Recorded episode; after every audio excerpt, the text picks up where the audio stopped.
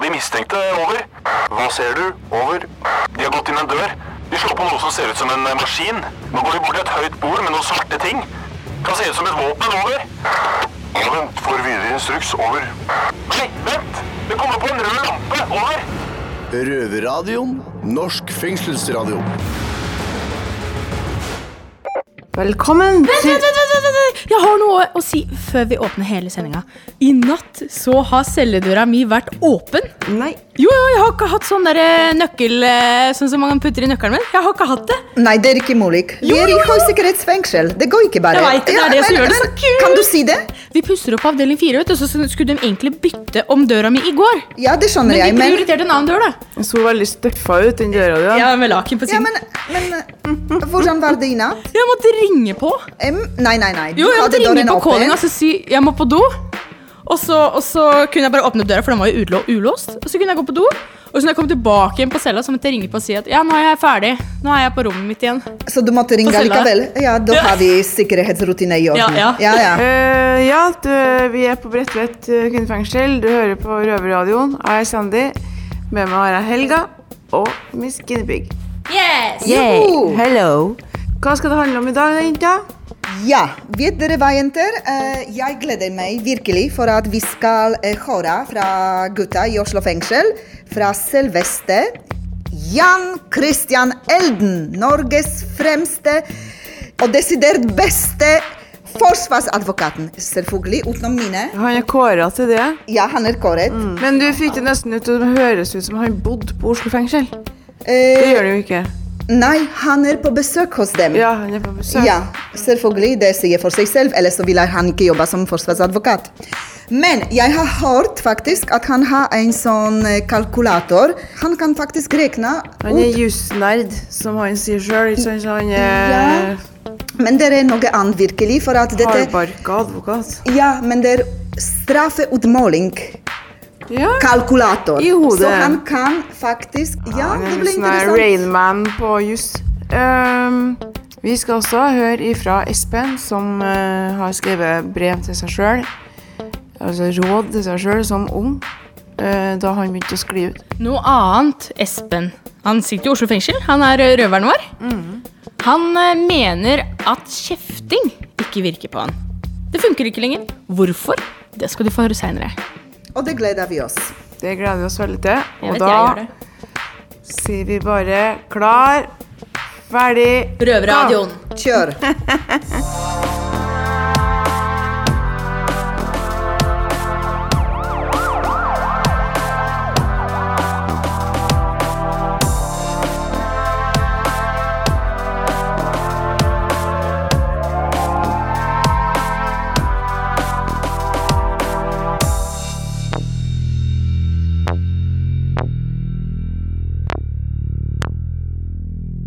Sandy, jeg har sagt det til deg så mange ganger. Slutt!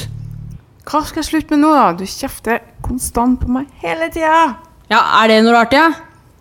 Ja, jeg vet ikke, jeg, kanskje ikke så rart. En annen som har fått med kjeft, som vi skal høre fra nå, er Espen fra Oslo fengsel. Det å få kjeft er et kjent fenomen for mange som sitter i fengsel. Jeg heter Noah, jeg står her med Espen. Eh, Og Espen, jeg lurer på en ting. Ja, hva da? Eh, Jeg hørte nemlig at eh, når du kommer til kjefting, da, så kommer du til et punkt hvor eh, det ikke funker å bli kjefta på. Hva er det du mener med det, Espen? Det jeg mener med det, er vel egentlig Det er ikke det at jeg kommer til det der punktet hvis du hadde kjefta på meg nå, så hadde jeg kommet til punktet, men det jeg mener, da, det er liksom Jeg har fått så mye kjeft opp igjennom helt siden jeg var uh, liten kid, at eh, kjeft funker ikke på meg lenger, på en måte. Det, jeg, det bare preller av. Jeg er så vant til å få kjeft. Ja. Nei, altså jeg, Sånn jeg oppfatter deg her og nå, så oppfatter jeg det som litt sånn psykologisk eh, En sånn psykologisk greie, da. Så på en måte Jeg vet ikke hvordan jeg skal si det, men uh, Ja, men du kan jo sikkert eh, Jeg vet da søren om du, hva du tenker på når du mener du, psykologisk. nest, jeg vet ikke om, du, om jeg kan bruke ordet arrogant. da Om du på en måte har fått så mye kjeft at du har blitt arrogant til det. At eh, du bare, det bare preller av deg. Nei, Jeg bare stenger det ute. Ja, ikke sant? Du kjenner ikke på det på, altså Da tenker jeg, er det noe inni deg som skjer, da? det. Ja, det skjer sikkert masse inni meg. Det kommer en sånn liten der eh, Kommer en liten faen da, som bare tenker at uh, det her gidder jeg ikke å høre på. Så du, når du kommer dit, dette her gidder jeg ikke å høre på, klarer du å skille mellom hva som er riktig og feil i den kjefta du får? Jeg blokker ute. Du blokker ut Nei, faen. Og så, Ja. og så ofte når jeg Hvis noen kjefter på meg, da Altså, Jeg hører jo hva som blir sagt, og alt det der, men jeg bare driter i det. på en måte Men uh, hvis det er noe Hvis jeg mener at kjeften ikke er uh, rett begrunna, eller hva du skal kalle det, så kan jeg fort gå til motangrep og kjefte tilbake. Ja. Så, da, sånn så det du sier er at når du, hvis du får kjeft, så klarer du å kjenne på det og føle på det før du på en måte feirer det? Nei, men jeg hører jo hva som blir sagt. Ja. Hvis ikke jeg Altså Hvis ikke jeg er enig i det som blir sagt, da, så, så kan jeg gå til sånn Hva skal du si? Det er en sånn forsvarsgreie. Men ofte, Jeg har også vært den som har kjefta tilbake med en gang. Ja. Men det er ikke alltid det er riktig. Det er ikke alltid det er like bra å gjøre det. Nei, men det er jo ikke riktig å kjefte uten grunn heller. Nei, det, det er det, men altså det, poenget mitt er å på en måte klare å kjenne på det. Hva er det riktig og feil her og nå? Ja. I den Men jeg, situasjonen. jeg har fått så mye kjeft jeg, at jeg bare driter i det, for å si det sånn. Ja, nettopp. Hvis du skjønner hva jeg mener, da. Det, når, du, når du har fått kjeft uh, og fått skylda for alt, selv om du ikke kanskje har gjort de tinga som du får skylda for, og så får du kjeft for det, til slutt så bare stenger du av. Bare Ja, ja. Hvis du har gjort noe gærent, Espen, og du får kjeft, og det ikke funker på deg, mm. eller uh, sånne typer mennesker som har de samme greiene der da, som deg, hva skal man gjøre? Det er, liksom, det, er, det er litt hvordan man eh, Hva skal man si? Det er litt hvordan man går fram, da. Det er jeg enig i, men Hvis, hvis noen setter seg ned med meg og forteller hva jeg har gjort galt, på en helt uh, uh, faen er det heter, da? Helt uh, rolig og ja, det, Jeg skjønner den, men hvis jeg kan si det, bare si en ting du, altså, Jeg kan ikke forandre alle andre rundt meg.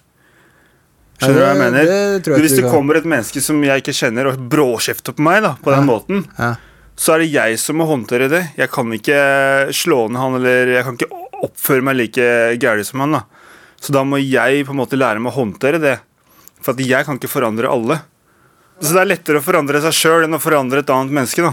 Ja, ja, men står, Det det mener. Mener du det at hvis den kjefter på meg, da, så skal jeg så skal jeg bare stå der og ta det imot eh, uten å på en måte få muligheten til å si noe tilbake, eller hva som Nei, altså Du kan jo på en måte få muligheten til å si noe tilbake, men det jeg prøver å si er at det er lettere å forandre seg sjøl enn andre mennesker. Så hvis det kommer en og Ja, kjefter men på det er jo jeg som får kjefta hele tida, da.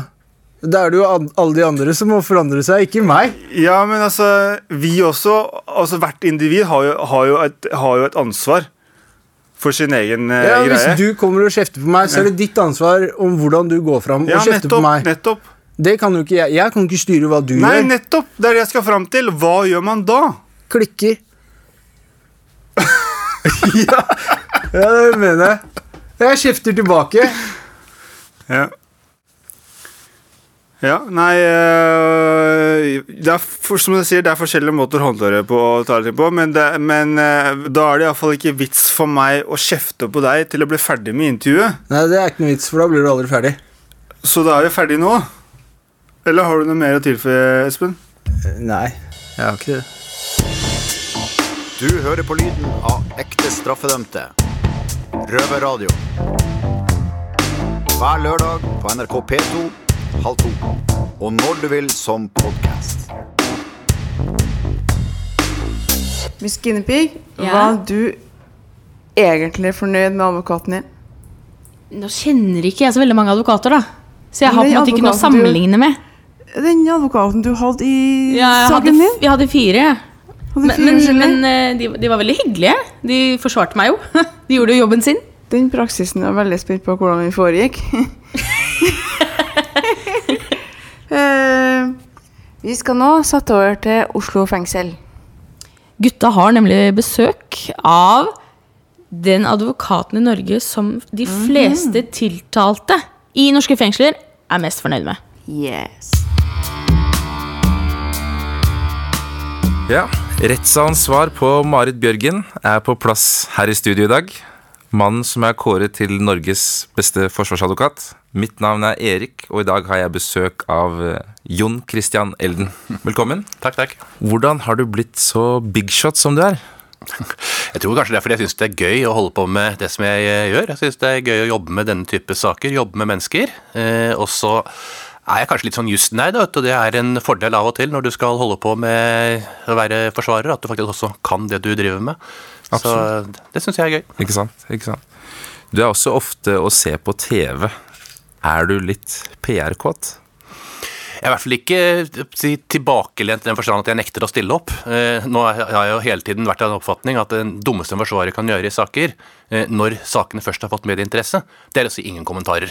For da blir det alltid motparten eh, som får styre og lede hele saken. Eh, så du er nødt til å ha et budskap å komme ut med.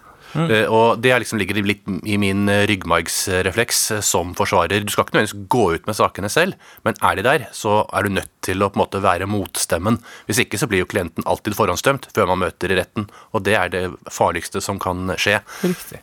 Jeg har også blitt fortalt i dag at du har en slik en straffemålingskalkulator i hodet. Stemmer det? Når jeg driver mye med dette her, så tror jeg det er veldig lett å kunne si at eh, det er en del tommefingerregler. ikke sant? Du snakker om at du har bedragerier, så vet du at ok, du ser på kronebeløpene, bedrar du for ca. en million, så får du ca. et år. ikke sant? Altså Det er mye sånn som er en viss automatikk. Har du ti gram med heroin, så får du også en ti måneders fengsel. ikke sant? Det er mye sånn man kan se på, som man lærer seg til etter hvert.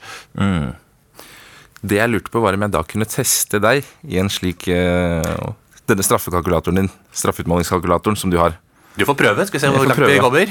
Jeg skal da nevne en sak uh, som er reell, men uh, også anonym. Uh, og det er da en person som er tatt med 15, gram med, nei, 15 kilo med cannabis. Førstegangsdomfellelse. I ditt, din formening, din kalkulator, hva tilsier den at eh, en straffeutmåling på det vil bli?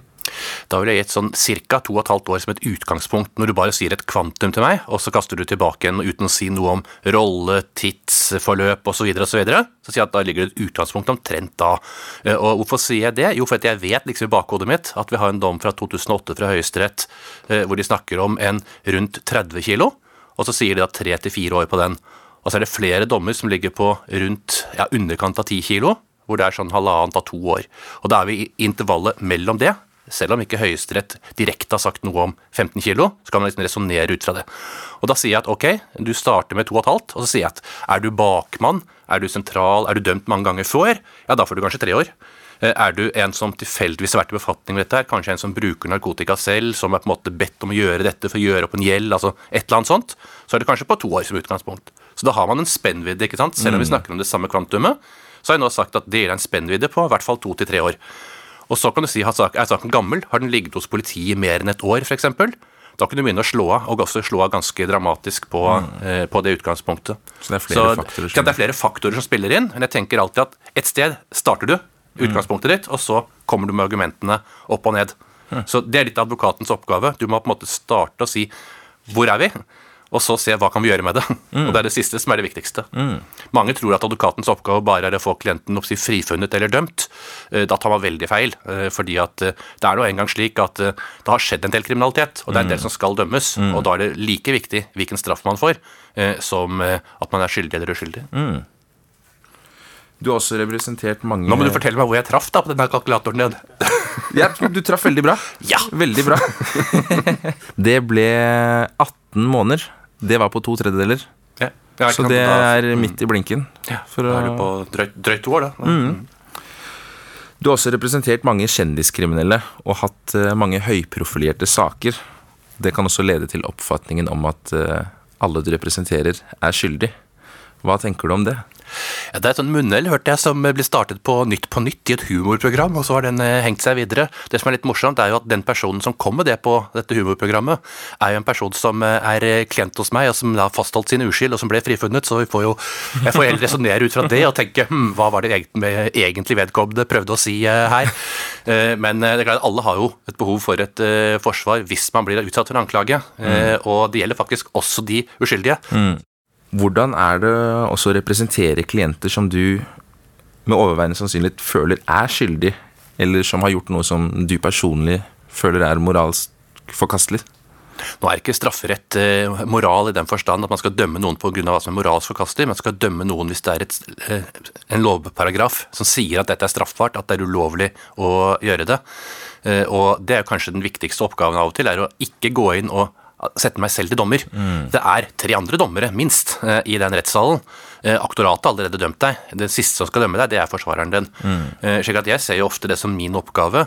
Noe av det samme som når jeg er på universitetet og f.eks. hører på studenter som gir en avhandling. Da skal jeg stille de kritiske spørsmålene. Se, har de fått med seg alt? Er det noen svakheter i dette? Mm. Og det er klart at i en ordentlig rettssal hvis det er for mange svakheter, ja, så skal jo vedkommende frifinnes. Helt uavhengig av om det er sånn at han har gjort det eller ikke gjort det. Poenget er om politiet har bevist at du har gjort det. Så det er jo forsvarerens oppgave, eh, ikke å være en ekstradommer i saken. Har du vunnet saker eh, du føler du ikke burde ha vunnet? Det var en interessant måte å stille spørsmålet på. Eh, hvis du stiller på en annen måte, kan jeg godt si at det er personer hvor jeg har fått frifinn dom, hvor jeg tenker at jeg selv hadde domfelt. Og så kan du jo legge hva du vil i det. Heldigvis er det mer av den motsatte siden, altså vi får legge til det også. Hva skal derimot til for at du sier nei til å ta noen sak? Prinsipielt sett, eh, hvis du stiller meg det spørsmålet, så er svaret at jeg, kan, jeg vil ikke si nei. Eh, Fordi, nettopp fordi at hvis det er saker hvor jeg pga. sakens karakter tenker at nei, den har jeg ikke lyst til å ta, så sier jeg til meg at da må du ta den. Eh, Og litt av tankegangen bak det er jo at jeg er relativt erfaren som advokat. Skal jeg si at Hvis jeg ikke skal ta den, betyr det at jeg sier at nei, dette må en annen person ta. da. En som er mindre erfaren, kanskje advokat, fullmektig eller andre. Er, er det noe rettferdig, holdt jeg på å si? Eh, Fordi at vedkommende skal ha en forsvarer. Sant? Så i praksis så er det en grunn til at jeg sier nei til en sak, er at jeg har ikke tid. Ja.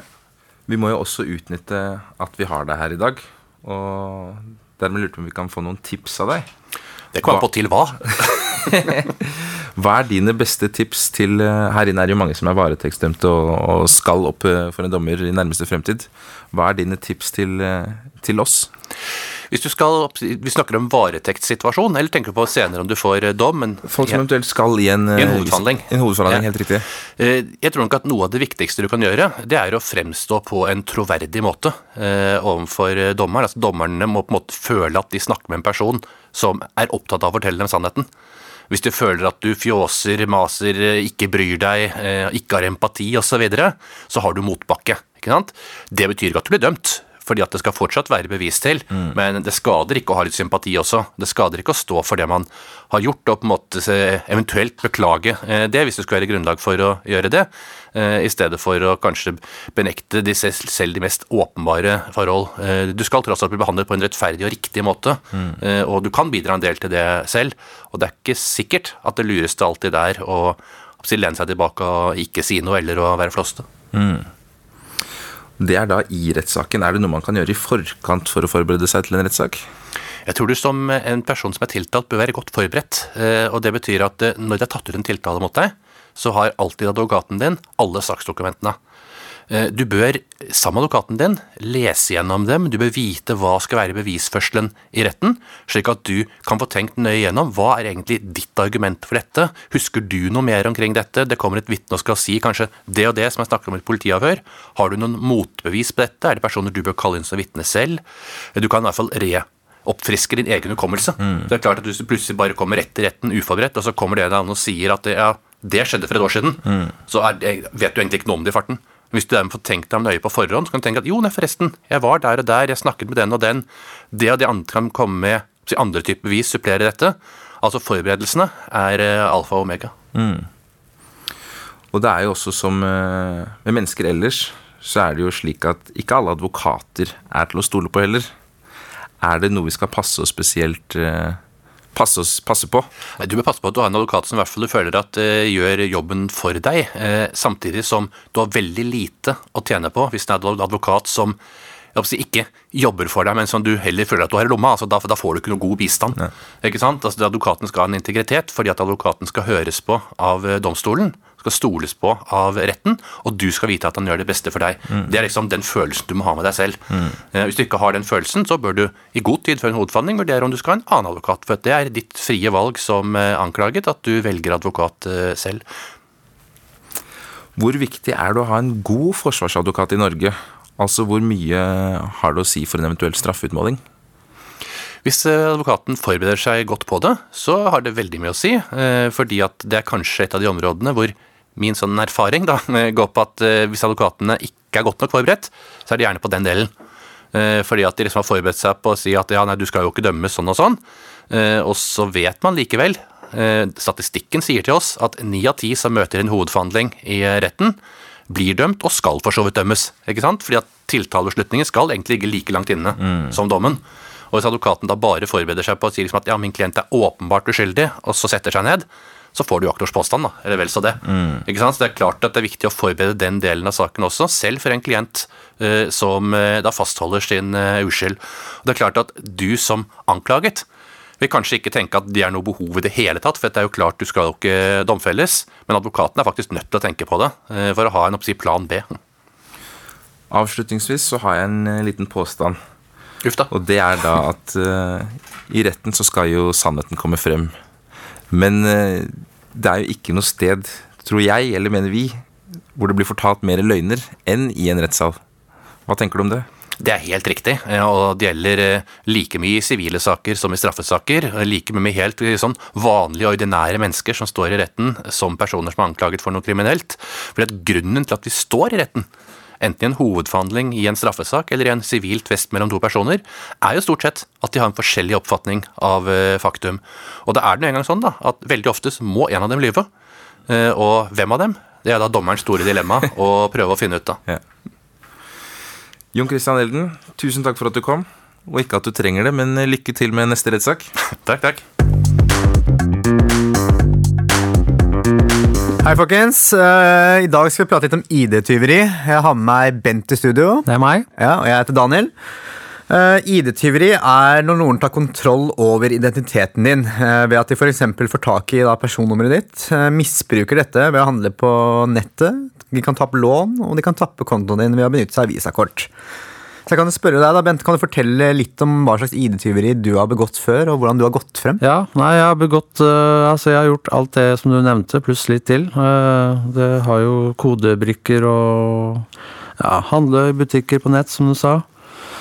Dette gjør jeg ved at jeg stjeler andres post. eh, modifiserer eksisterende bankkort ved å sette på bilde av meg selv, eller uh, eller hell, aller helst bruke et bilde som ligner. Ja. Ja, Så du går fysisk i postkassen og tar andres post for å finne kort og ja rett informasjon? og slett. Ja. Uh, og jeg vet ikke, Hvor lett er det egentlig å stjele en annens identitet? Det er egentlig skremmende lett. Ja. Ja, Det er litt for lett, egentlig. litt for lett. Har du noen forslag til hvordan tiltak myndighetene kan bruke for å beskytte folk mot ID-tyveri? Det er mer digital post, rett og slett. Ja. Og så har de, nå har de også begynt å fjerne I Sverige så har de jo aldri hatt personnummer og fødselsdato bakpå visakortet. Og det har de også begynt med Norge nå å ta bort. ja, det For er da blir det jo litt vanskeligere på en måte å få tilgang til den sensitive informasjonen. Riktig. Men til slutt så har du en oppsummering av det her, noen tips du kan gi til folk ute for å beskytte seg mot ID-tyveri? Nei, det Hent oftere posten i postkassa. Ha Eh, lås på postkassa? lås på postkassa, og eventuelt installere en sånn lydløs alarm, kanskje. Det er mye tiltak, men det, sånn, sånn er det blitt, egentlig. Ja. Også til alle dere ute, får bare sørge for å passe på. Det er eh, veldig lett å gå i fella, for å si det sånn. da. Ja. Pass på, ellers kommer jeg og tar dere! Sandy, Ja? har du noen gang tenkt tilbake igjen på Jeg vet ikke om du har slitt noe i livet ditt sånn, men hvis du har gjort det, har du noen gang tenkt tilbake igjen på hva du kunne gjort annerledes? Det er veldig mye jeg kunne tenkt meg å gjort annerledes, ja. Ja, fordi eh, Grunnen til at jeg spør, da, er fordi at vi skal en tur ned til Oslo fengsel, til Espen. Ja, For det skal vi.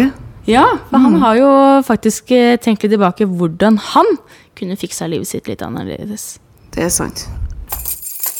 Hei, jeg heter Espen, og jeg soner nå min åttende dom her i Oslo fengsel. Jeg har blitt bedt om å skrive et brev til meg selv om hvilke råd jeg ville gitt meg som tenåring. Espen, jeg vet at du allerede har fått mange gode råd fra de eldre gutta du henger med, om hva som venter deg hvis du fortsetter videre på den veien du allerede har begynt å bevege deg i. Jeg vet også at de fleste av de rådene bare går inn det ene øret og ut av det andre. Du hører jo bare det du vil høre. Du er ung, og du tror at du er udødelig. Alt er jo så nytt og så spennende. Det eneste som virkelig fester seg, er når det blir fortalt om de uskrevne reglene som er i miljøet, som du vil lære deg for å kunne bli en del av det. Du vil kjapt nok få oppleve at det livet som du er på vei til å velge, ikke bare består av kjappe penger, damer, rus og status. Det følger også med tunge og mørke stunder, noe du for alvor vil merke senere i livet med tapet av din beste kompis og den store kjærligheten Tina, som begge taper kampen mot rusen. Det holder til slutt ikke bare å ruse seg i helgene og på fest, rusen begynner å styre hverdagen din. Du beveger deg mer og mer bort fra familien og alle de gode kompisene dine som er bra for deg og betyr alt. Du begynner å lure dem og sniker deg unna for å ruse deg. Rusen har tatt over livet ditt. Den kommer til å prege mange av de valgene du tar i tiden framover. Kriminaliteten øker, og du kommer bare til å gjøre drøyere og drøyere ting for å opprettholde rusen og den store pengeforbruken din. Du blir bare mer uforsiktig og havner til slutt i fengsel. I årene som følger, er det som om du har skaffa deg et klippekort i Oslo fengsel. Du har vært der så mange ganger at du er på fornavn med de fleste betjentene som jobber der. Årene går, og det blir vanskeligere å komme seg ut av den karusellen som du valgte å hoppe på. De tinga som du kommer til å oppleve og se, er noe som vil prege deg resten av livet. Jeg kunne godt ha forklart deg det mer i detalj, men det er ingen vits i. Det ville bare blitt så sjukt at du hadde ikke trodd at jeg snakker sant allikevel. Det er ingen lek der ute, miljøet er hardt og jævlig tøft. Du har aldri hørt på noen av de rådene og advarslene som du har blitt fortalt tidligere. Du har alltid ville oppleve og finne ut av ting på egen hånd. Men nå skal du faen meg høre nøye etter. Dette er deg selv som snakker etter nesten 20 år i et liv med kriminalitet og rus. Det er ingen som kjenner deg bedre enn meg. Skjerp deg! Du er bra nok som du er. Du trenger ikke å ruse deg for å føle at du får bedre selvtillit. Du har allerede altfor mye av det. Drit i det presset som er rundt deg, og drit i at du alltid skal prestere bedre enn alle andre. Det presset er det kun deg selv som skaper, og du vil bare bli sliten og lei av det. Få opp øya og se på den som er rundt deg, på vennene dine og på familien din. Se hvor mye du betyr for dem, og hvor høyt de elsker deg. De kommer aldri til å gi deg opp, selv etter alle de gangene du har svikta og skuffet dem. Livet er ingen lek hvor hver dag er fylt med fart og spenning. Nå leker du bare med døden som følge. Ja, da er Røverradioen straks ferdig, dessverre, for i dag. Og Helga og Miss Guinea vi må nok forlate åstedet hvert øyeblikk, så har du lært noe i dag? Uh, jeg har egentlig ikke lært noe, men jeg, men jeg sitter veldig igjen med det Espen sa Ja. angående kjefting. Ja. Fordi det er jo noe som jeg kjenner veldig, veldig lett igjen. Altså, jeg har jo ADHD, og når jeg blir litt for ADHD, da, så er det sånn Miss Ginping, kom hit, vi skal inn på kontoret, vi skal snakke. Det var interessant eh, å høre på eh, Jan Christian Elden, og det viste seg faktisk at han kunne regne. Det overrasket meg. Han er en meget interessant Ja. figur. Virkelig. Mm. Eh, jeg liker han. Eh, Da kan du faget ditt, altså. Han er dyktig. Og den brevet til Espen, Ja, rørte det? ja, det gjorde det faktisk. For at det krever mot, og det er ganske tøft å skrive til seg selv. Ja, så er det sjølinnsikt, da. Og så er det så mange triste skjebner. Det er så mange triste historier. Men jenter, jeg hørte at dere skal tilbake til deres avdeling. Vi er ikke på den samme avdeling, men dere har sånne fine utsikter hos dere. Ja. Ja, det var jo som jeg nevnte i starten, at eh, vi pusser opp på avdeling fire. Og Er da det- er det jo selvfølgelig arbeidere der, og det er jo bare menn. Er det noen kjekke? Eh, Det er en fra Øst-Europa, så jeg lurte på om du kanskje kunne hjelpe meg å skrive ned sånne strofer som er litt kule. Ja, det kan ikke jeg gjøre. noe dirty Nei, nei, nei. words, nei. bare Sånn. Ja, nei. Ja. litt smooth. Uh, Ja, det, det kan jeg gjøre, men jeg skjønner ikke Får dere lov å snakke med dem? Nei, jeg gjør det i all hemmelighet når betjentene ikke ser meg. Jeg har fått så mye kjeft for at jeg eh, snakker og er hyggelig med dem. Jeg føler at jeg blir normalisert. Jeg, det har vi det er jo helt om du. teit. Du kan ikke fortelle mennesker at du ikke kan snakke med andre mennesker. Når de er så tett på dere. Ikke Så det, så Det det betyr uh, eh, Ja, så det Ja, det blir så unaturlig setting. Ja. Men eh, det betyr at dere kan se på dem, men ikke røre dem, sant? Røverradioen er faktisk tilbake igjen om en uke, så da hører du oss på Neste uke, på fredag, så kan du høre oss på Radio Nova klokka 18 og på lørdag P2 halv to. Og ikke minst, du kan høre oss på nettet.